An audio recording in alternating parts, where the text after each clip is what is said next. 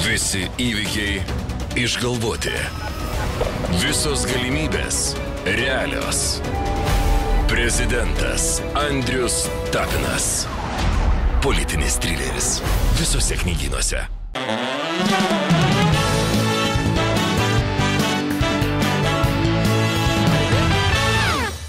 Mėly bičiuliai, laikas e, viešniai, laikykitės ten.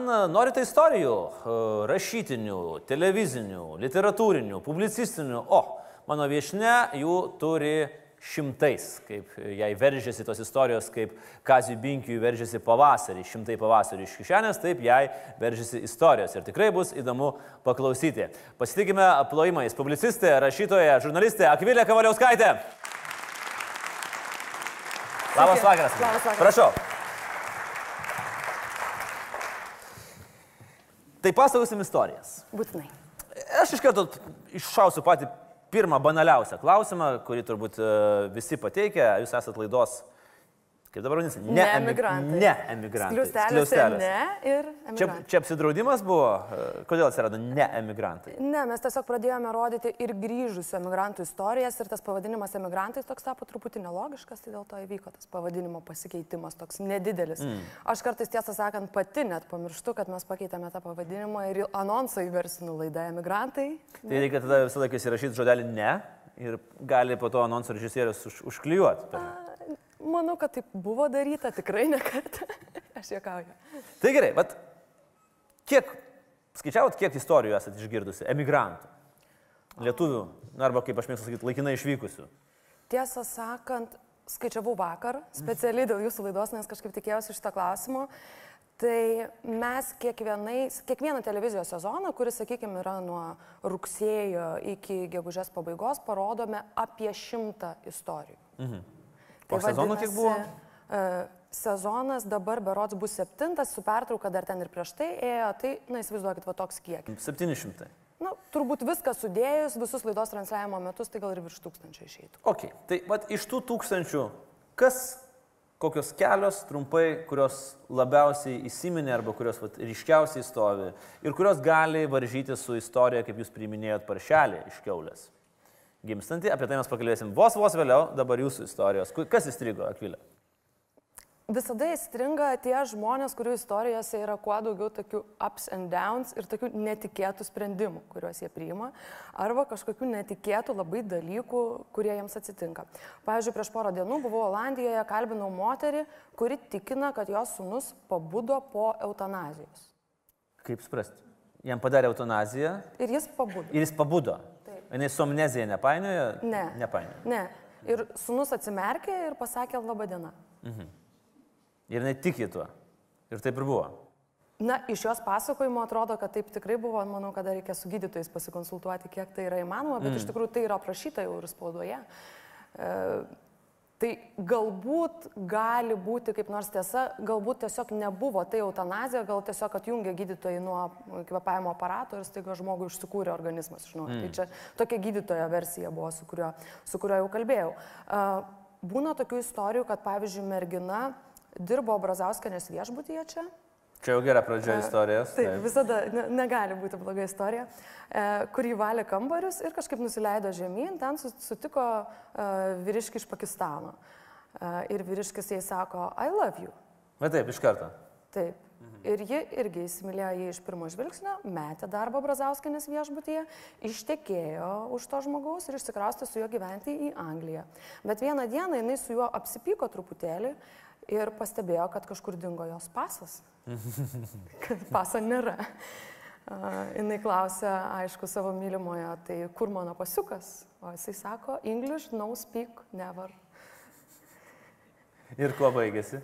E, Baigėsi viskas tuo, kad jinai šiaip netaip pasidarė dokumentus e, ambasadoje, e, išsiskyrė jinai galę su- galų galę su to vyru ir liko dirbti e, Berots kavinėje e, Anglijoje.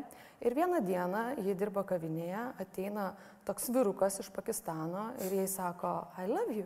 Bet kitas. Kitas. Ok, ja. aš jau matau, kur tai nueis, bet e, tęskit. Tai ji dabar gyvena su juo. Ir sako, Irgi meilė iš pirmo žvilgsnio. Ne, sako, kad labiau už viską saugo pasiuką. aš norėjau sakyti, kad e, pažintis pas Kristiną viešbutyje prie gero nepriveda, bet Manau, pasirodo, prie kad čia, paties geriausio. tas pirmas nebuvo labai gerai, nes pasą buvo paėmęs. Gerai, o kas ten, uh, Akvilės, su ta istorija su paršeliu, teko priim, kurį teko priiminėti? Čia šio sezono istorija? Ne, čia buvo prieš porą metų siaubinga man istorija iš tiesų, nes man labai gėda dėl to, kad po to man ir LRT kalbininkės uh, davė priekaištų dėl to, kad sakė, kad keulės negimdo pasirodo. Mhm. Ve, veda jos. Taip, jos veda, bet na, kai tavo reportažas yra beveik pusvalandžio trukmės, tai kažkada, jeigu pagimdė ten porą kartų, tai gal nieko baisaus. Tai, o ten buvo labai įdomi istorija ir labai įspūdingai tai vizualiai atrodė, nes na, e, milžiniška ferma, aš dabar neatsimenu, kiek tiksliai ten tų keulių yra, bet labai daug. Ir na, esmė ta, kad ten keulė atsiveda jauniklių kas minutę, nes tiek daug tų keulių, kad tiesiog vakol praėjai, tai ir pagimdė dar jau kažkas. Na, va taip per sekundę paparšiuką, žodžiu, toje fermoje. O tas lietuvis, kuris dirbo, jisai toks labai geras žmogus, labai gerėtis, bet pasitaikė nekalbus truputį. Ir galvoju, ką čia tokio padaryti, kad net tas vaizdas toks puikus, o pašnekovas toks stilus, reikia kažką padaryti įspūdingo, kad išgelbėčiau savo reportažą. Ir kai aš pamačiau, kai jisai kiša ranką į keulę, tai pamaniau, tai yra tai, ką aš noriu padaryti gyvenime. Įkišt ranką į keulę ir ištraukti paršelį? Ir kad tai parodytų LRT.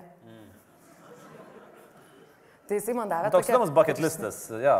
Taip, tai jis man davė pirštinę, kuri buvo iki čia. Ir aš taip užsimerkiau. Ir kišau ranką ir ten buvo siubingai karšta. Aš manau. Ir man kol priprato ranka prie to karščio, kaip į karštą vonę, jis, jis jau reikia, tai tu trauk, trauk, ko tu ten laikai. Tai aš tada traukiau, bet aš truputį gal per silpna ir tiesą sakant, gal ir mano rankos truputį per trumpas, Per aš trumpos. nelabai pasiekiau tų paršelių ir jisai tada sakė, duok man, ble. Ir aš kritau. Montuotojas sakė, pamatęs medžiagą, kad įdomu. Aš manau. Aš manau, kai rankos per trumpos ir nepasiekė paršelio ištraukti iš keulės. Liūdna. Dėl to liūdna, kad man nepavyko vis dėlto priimti to gimdymo iki galo. Tai akušerė turbūt nebūsit gyvenime. E, Tikiuosi, kad neteks daugiau. Patiko, bet... tiek to. Patiko, bet rankos per trumpos. Na, žinot, kaip būna, kad mėgsti kažką daryti, bet nelabai gabus. A, tai nu, jūs mėgtumėt traukti. Taip, bet negabi nepavyko man. Bet, bet rankos per trumpos. Apskritai, uh, Akvilė, vat, istorijos, uh, su kuriomis susidurėt ne tik tai televizinės, bet ir, ir publicistinės. Jūs esate taip labai įdomiai pasakius, kad jūs uh, stengiatės vis- visą laiką po miestą vaikščioti be ausinuko, kad nepraleistumėt kažkokių istorijų. Taip. Uh, buvo viena istorija apie uh, žmogų, kuris, su kuriuo jūs bendravote ir kuris sakė, kad jis turi grupę. Uh, labai smagiai tas nuskambėjo, papasakokit žiūrovams. Čia nėra nugirsta istorija, ta istorija yra tikra ir e, jie atsitiko man ir mano draugiams. Buvo tokia graži labai pavasario diena, popietė ir mes su draugiamis, berots keturiese, nuėjom pasėdėti į šamacą terasą. Ir mes jau tokias linksmos, užsisakėm kokteilių ir sėdė toks kostiumuotas vyrukas. Šamaca terasoje, kostiumuotas vyrukas. Na, kyla klausimų. Ir mes taip sakau, aš gal jį pakviesiu prie mūsų, dėl to, kad jis, na, toks sėdi, ten toks su brandžio taure, labai keistai. Sakau, na tai jūs sakau, ateikit, gal prisijungit prie mūsų. Na ir prasidėjo tas vadinamasis pažinties smoltokas. Ir aš jo klausiu, toks dar su kostiumu sėdi, sakau, tai ką jūs gyvenime veikiate, kuo jūs užsimat? Sako, ai nieko, aš grupę turiu. O, kaip įdomu, ta prasme invalidumo. Tai man, žodžiu, tai buvo ta tokia mirtina tyla. Taip, nes jūs norėjote klausti, ar būt ko grojat, ar ne, ar, ar, ar bosu, ar... Aš norėjau paklausti, ko groja. Ir pats juokingiausias dalykas, kada jau nebebuvo tylos ir tikrai vis- visos vėl balsų pradėjom juoktis, viena draugė atėjo su kokteiliais pavėlavusi ir uždavė jam identišką klausimą, jisai identiškai atsakė ir tada jis sako, ko grojat? Invalidumą, sako, invalidumą. Ir iš tokių, iš tokių istorijų susidėlioja jūsų, uh, jūsų labai įdomus ir, ir, ir uh, straipsniai, uh, ar tai būtų žurnale, ar, ar socialiniuose tinkluose, pavyzdžiui. Ir mes galim kelis tokius įdomus uh, aptarti momentus, man, uh, nes jūs vis tiek darote tokius įdomias, uh, na, sakyčiau, kaip refleksijas arba apibendrinimus. Pavyzdžiui, apie žmonės, kurie nesisveikina. Jūs turit kaiminę, kuris jumis atsisako sveikintis. Kur ten problema yra? Aš neįsivaizduoju.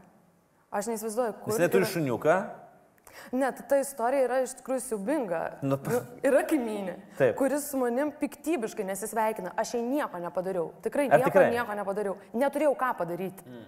Uh, ir aš visada prie jos prieinu ir sakau, labą dieną. Bet, ai, jau taip, demonstratyviai, jau taip. a, Toks čia. Iš pradžių aš nedemonstratyviai tai dariau, lietuviškai dariau labą dieną. O paskui labą dieną, nes aš galvojau, gal žmogus negirdi, gal kažkas yra, gal, Gal kažkoks- grupę turi. Gal grupė turi tai. Taip.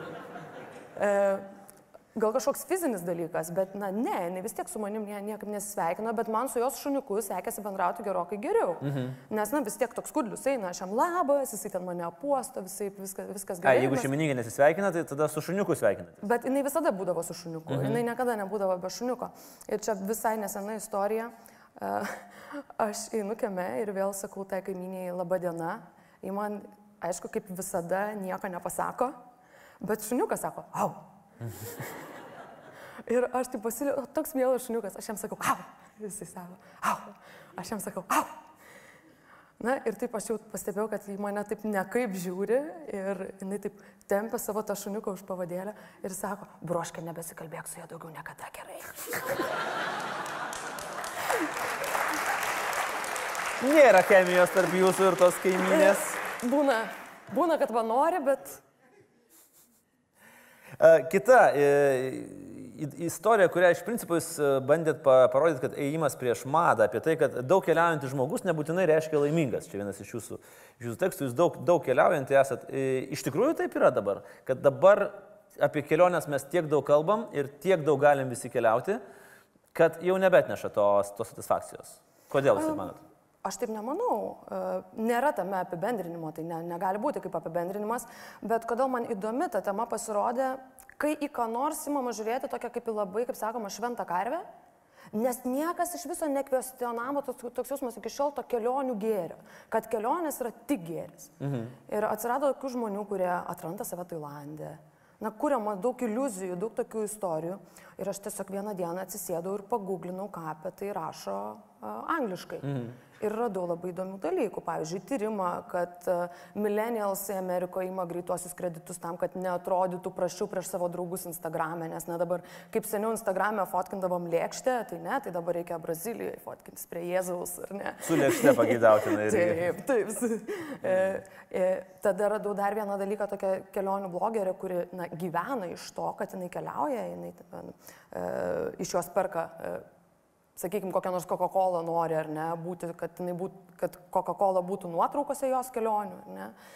Ir e, jinai tai ir sako, kad žmonės jūs nesitikėkite, sako, jūs nesitikėkite to, kad jūs kelionėje atrasite save. Jūs sako, pagalvokit, gal jūs turite ir taip, kur pinigų padėti. Mhm. Nes kas paskui atsitinka, pabundi 35, e, 30 metų paskolos jau nebeduoda, visi pinigai išleisti, pradinio įnašo neturi ir kaip ir viskas nuo nulio, taip išeina, kad tu nieko neuždirbai, nes tu viską prakeliavai. Tai čia tokie pasvarstymai iš tikrųjų, bet kai aš pajudinau tą temą, tai aš net nesitikėjau, kad bus tiek reakcijų, kad tiek Taip, reakcijų buvo labai. Ir kokios buvo reakcijos?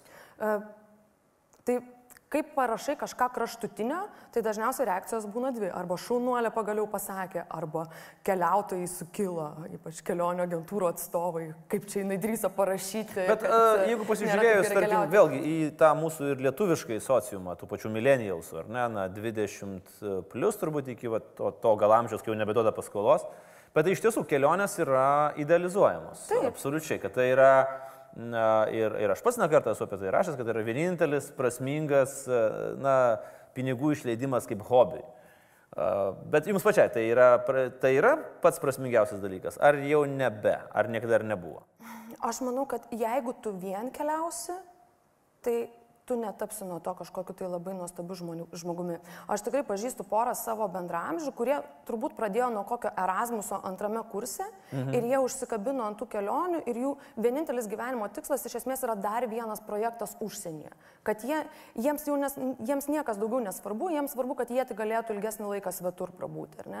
Ir kas atsitinka, jie dabar 30 mečiai su magistro laipsniais dirba padavėjais Londone, nes neturi jokios darbo patirties, iš esmės neturi pažinčių rato, nesvarbu, kad tu pažįsti po tris žmonės ten Džibutyje, Indonezijoje ar dar kažkur, bet tau tai nesukuria nei tavo tokio e, normalaus kasdienio sociumo, kur tu galėtum sėsliai ir saugiai jaustis, nei kažkokios darbinės aplinkos.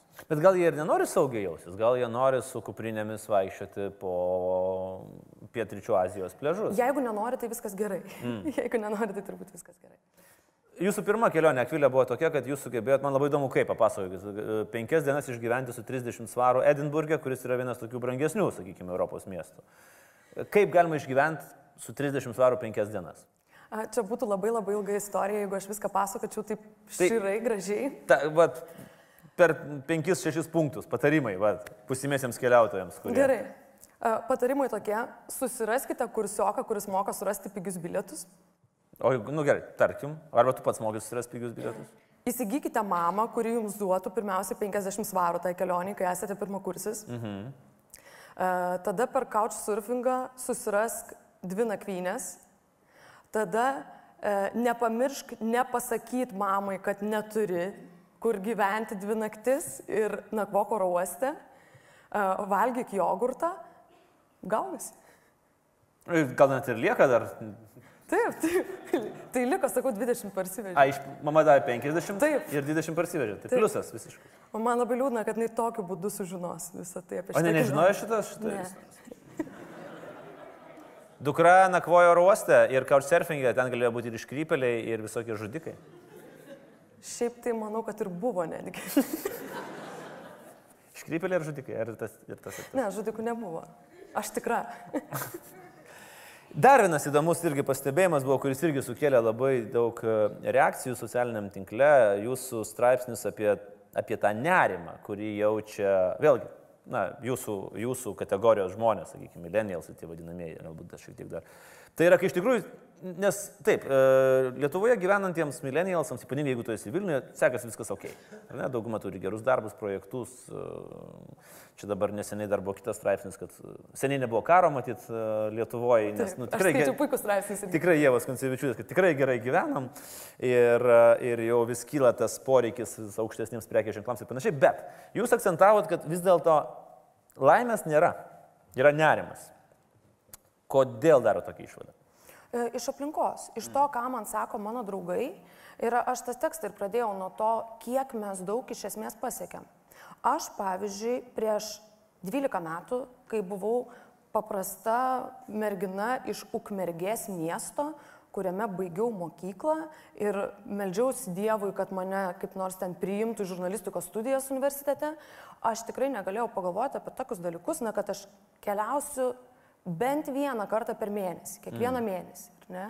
Kad aš galėsiu kiekvieną dieną valgyti kavinėse bet ką, ką aš įsigyčiau. Ne? Kad mano draugai bus Facebook'e tapinas, pavyzdžiui.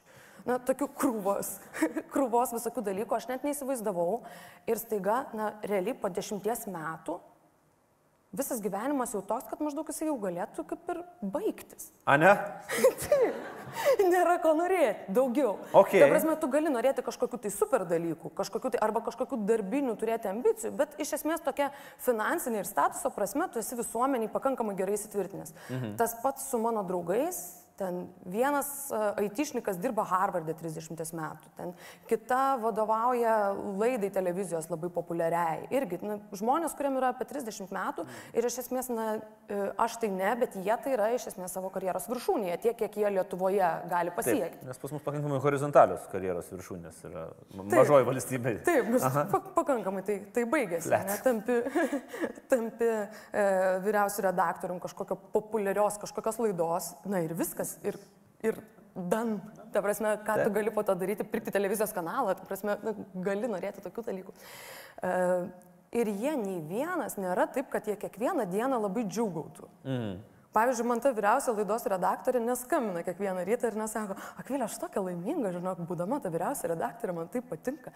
Ne, visi visko skundžiasi, visi visko bijo, visiems nerimas, susėdam kažką kartu kalbėti, sako, kažkam kažkas pypsis, skamba, visi tokie neramus esam. Tai čia turbūt toks laikmečio ir kartos dalykas veikiausiai yra tas neramumas. Nes jeigu pagalvoju, jeigu mes visą tą patį būtumėm turėję, sakykime, prieš 20 metų, tai mes jau čia atsidarę kokį butelį bėlai aist, taip sėdėtume ir, uh, Bet gal tuo metu irgi tiem, kurie buvo 30, jie gal irgi įsivaizdavo, tai kita, tik tai kitaip. Ta, Galbūt, ta, ta žinoma, žinoma. Bet tas nerimas iš kur jis ateina? Jis dar ateina iš tokio, iš tokio uh, tempo siaubingai augančio, iš ar iš to, kad iš tikrųjų niekas mes nežinom, kas bus, pavyzdžiui, po, uh, nežinau, po 3-4 metų. Labai sunku prognozuoti, matant, kaip viskas keičiasi. Aš tai manau, kad dar dėl to, kad mes matom labai daug konkurentų aplink save. Kai atsirado socialiniai tinklai, mm. mes visi turime na, kažkokius tai žmonės, arba bendrose drauguose, arba net savo, savo draugų rate, tuos, kurie dirba panašioje srityje ir mes labai tą rinką visą darbo tokia iš, e, išsiskleidžia gražiai.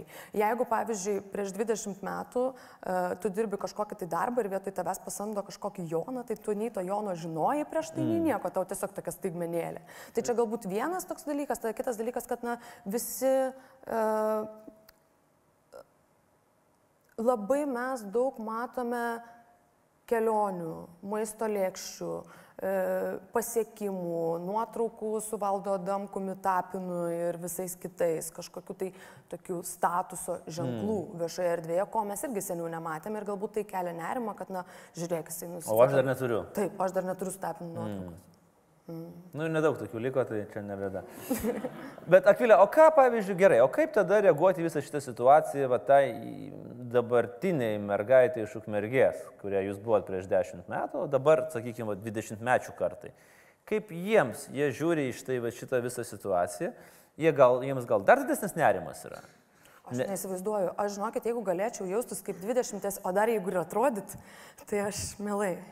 Bet aš neįsivaizduoju, kaip jie jaučiasi iš tikrųjų. Mm.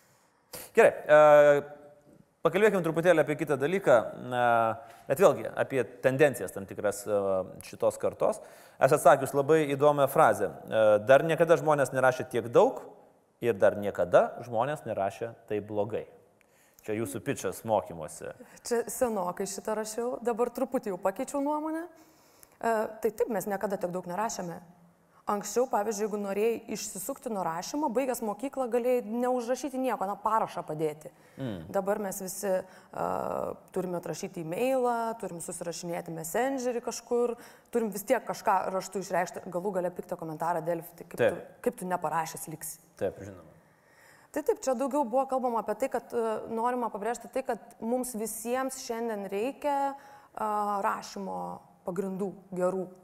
O kaip žinia, mums mokyklose turbūt jų nedavė arba kaip tik jos pagadino e, visą tai, ką turėjom, nes mokyklose mūsų, na, tai, ko mus mokė, storytellingo prasme, tai Ne visai. Turbūt, kad. Ne, ne visai. Ne visai. Bet Akvilė, ar galima, pavyzdžiui, vat, jūsų mokymai trunka šešias valandas? Ar galima per šešias valandas, na bent kažkiek pramokyti žmogų, kad uh, kad jisai rašytų, o žmonės skaitytų kiti, kad verktų, juoktųsi, pyktų, kad būtų emocija nuo to, ką jis parašo. Įmanoma? E, žinoma, kad kažkiek įmanoma. Galima bent jau pasakyti, ko tikrai nereikėtų daryti. Ko? Negi mes dabar rimtai tokia pamoka? Taip. Prašau, labai, ko nereikėtų daryti? Man labai įdomu, žiūrėkit, aš gausiu keliavnai mokymus. Tai, e, Nedaryti, tai reikia viską, ką mokytoja piktai liepia daryti mokykloje. mokykloje. Ok. Kadangi, man tai yra e, čia gimnazistų salėje, tai lietuvių kalbos mokytojos laukia rytoj surprizas. Jūs mokytoja, žiūrėkit, mes čia vakar buvom tokioje laidoje, tai, nu ne, jūs neteisingai čia viską darote. ne, o jeigu rimtai, tai rimčiau truputį. Ne, dar nerimtai, bet taip, vos, vos, beveik rimtai. E, tai, na, iš tikrųjų, kartais skaitai rašinį suaugusio žmogaus Ir jis prasideda lygiai taip pat kaip mokyklos rašinėlis. Čiurlionis brūkšnys, Lietuv, Lietuvos kultūros šviesulys. Taškas. Taškas. Ir taip dažniausiai žmonės pradeda suaugę žmonės savo tekstus, nes, na, taip mus, mums kaip ir liepdavo išmokti įžangas, pavyzdžiui, atmintinai. Ir visų rašinėliai prasideda vienodai. Aš atsimenu, mes buvom gal kokioje 7 ar 8 klasėje Ir kadangi aš turėjau nelaimę, jog mano mama buvo mano literatūros mokytoja, jinai davė tą klasikinį rašinėlį, na, ruduo, ar ne, kur tu, tu negali išvengti tokių rašinėlių. Ir mano bičiulis, kuris labai toli buvo nuo rašybos ir kūryb, su kūrybiniu dalyku. Jisai pradėjo rašinėti taip. Atėjo ruduo. Į laukus išvažiavo kolukiečiai. Ir mano mama, kadangi jinai klausė, gyti, iš kur tie kolukiečiai pas tave išvažiavo? Tu jų nematęs gyvenime, tu gyveni Vilniui, Žirmūnų rajone, iš kur pas tave pro langą kolukiečiai išvažiuoja laukus? Iš, iškai, jau klišės, jau, jau klišė, iškai, ruduo išvažiavo kolukiečiai į laukus. O kokias, su, su kokiam baisiausiam klišiam Akvilė e, yra tekę pačiai susidurti? Aš galiu panašią labai istoriją papasakoti apie savo močiutę, linkėjimai jai. Nijolė Vatkauskenė, nuostabi. tai, e, taip išėjo man gyvenime, kad aš e, pirmoje ir antroje klasėje mokiausi du kartus, galima sakyti. Pirmoje paliko klasėje, pirmoje klasėje antrus kartus, metus, kaip... Ir antroje klasėje du kartus. Todėl, kad man nelabai patikdavo darželėje mhm. ir tuo metu, kai man buvo penkeri, mano mačiutė buvo pradinių klasių mokytoja ir kaip tik turėjo pirmokus. Taip. Tai dėl to aš su jai pamokas eidavau su pirmokais, tada jau su antrokais ir tada, kai jau atėjau į savo tikrą pirmą klasę, jau viską tai žinau. Atsiprašau tos pradinių klasių mokytas už viską. Nes tikrai nebuvo gerai. E, tai toje pamokoje aš gyvenime nepamiršiu, kai močiutė davė užduoti piešinių vaikams, kad reikia nupiešti pavasarį. Ir atėjo viena mergaitė, mačiutės raudonų tušinukų laukia, perbraukė medį ir sako, tokių medžių nebūna, aštuoni. Bet parašė aštuonis. Taip, bet tokių medžių nebūna. Bet tokių medžių nebūna. Taip, taip, čia yra tas senosios kartos. Mm. E, senosios kartos mokymas, ne, kad galima vaizduoti tik tai, kas egzistuoja. E, Akvilė, jūs e, vieną idėją, čia kaip buvo dabar labai madinga siūlyti idėjas Lietuvai. Jūs Aš jau bijau, ką jūs pasakysit. Jau bijot? Nes rimta tai tikrai nieko negalėjau siūlyti. Ne, jūs pasiūlėt padaryti Instagraminę Lietuvą, nudažyti visus rajonus ryškiom spalvom ir kad žmonės varytų ten fotkintus ir, ir dėtų viską į Instagramą. Šitą idėją aš, kas manau, nebuvo labai rimta, bet man šiaip atsispiriant nuo to, ką mes truputėlį jau šnekėjom, E, pastaruoju metu apskritai Instagramas tampa absoliučiu tavo statuso simboliu. Jūs sutinkat su tuo? Kad... Tai galbūt, ne absoliučiu. Labai svarbiu, gal... sakykim taip. Sakykim svarbiu. Mm. Jums pačiai svarbus šitas dalykas? Yra? Instagramas? Taip. Aš ten labai mažai followerių turiu, tai nelabai svarbus. Gerai, bet mes būtent apie e, pabaigai apie knygas pakalbėkim. Ir uh, Turim vieną bendrą brožą. Kai parašom knygą, įsivaizduojam, kad neužtenka to padaryti, o dar tikrai reikia rimtai padirbėti su knygos PR, su knygos pardavimais, su knygos rinkodara. Ir aš žinau, kad jūs, kai jūs prašėt knygą Du gyvenimai per vieną vasarą, jūs turėjote visokių crazy idėjų, kaip ją e, gerai pareklamuoti. Ir viena iš tokių idėjų buvo, pataisykite, jeigu klystu, knygas rašantis pieninas. Mm, panašiai. Panašiai. Tiesiog rašantis pieninas. Rašantis pieninas. O tai iš kur ta idėja, ar tas pieninas atsirado, ar, ar kaip? Tai Reklamuoti romaną yra labai sunku. Arba tu turi kaip autorė duoti labai daug interviu visokiem moteriškiam žurnalam ir save kaip autorių piarinti, mhm. o tu paties romano turinio na, nelabai išpiarinsi. Na, tu negali atskleisti per daug detalių, o tas turinys, kadangi jis vis tiek yra fikcinis, tai tu negali taip kaip vanagaitę pavaryti, pavyzdžiui. Mhm. Na, negali, nėra taip. Nu, vanagaitę pavarė. Taip, taip pavarė, kad Knygas surinko iš knygynų. Taip, tai tu negali tai pavaryti kaip vanagaitė ir tu pradedi galvoti, ką man čia tokio padaryti, kad žmonėms knyga taptų įdomi laikais, kai žmonės neva tai neskaito knygų. Neva. Neva tai. Iš tikrųjų tai skaito. Nu, pasižiūrėjus, kas vyksta knygų mūgėje, tai tas žodis neva labai tampa įdomus. Ok. Tai, e, ir labai ilgai mes galvojam apie tai su E, su kolegomis, kaip čia padaryti kažką tai knygai, kad, žodžiu, atkreiptumėm dėmesį žmonių. Ir aš pradėjau tokia iš niekur įsivaizduoti antraštę, Akvilė Kavaliauskaitė sukūrė tai, ko dar nebuvo. Mhm. Jau gera pradžia, taip. Na, tokia išsiuntus pranešimą spaudai, na, visi įsidėtų taip. portalai. Toks, toks geras dalykas.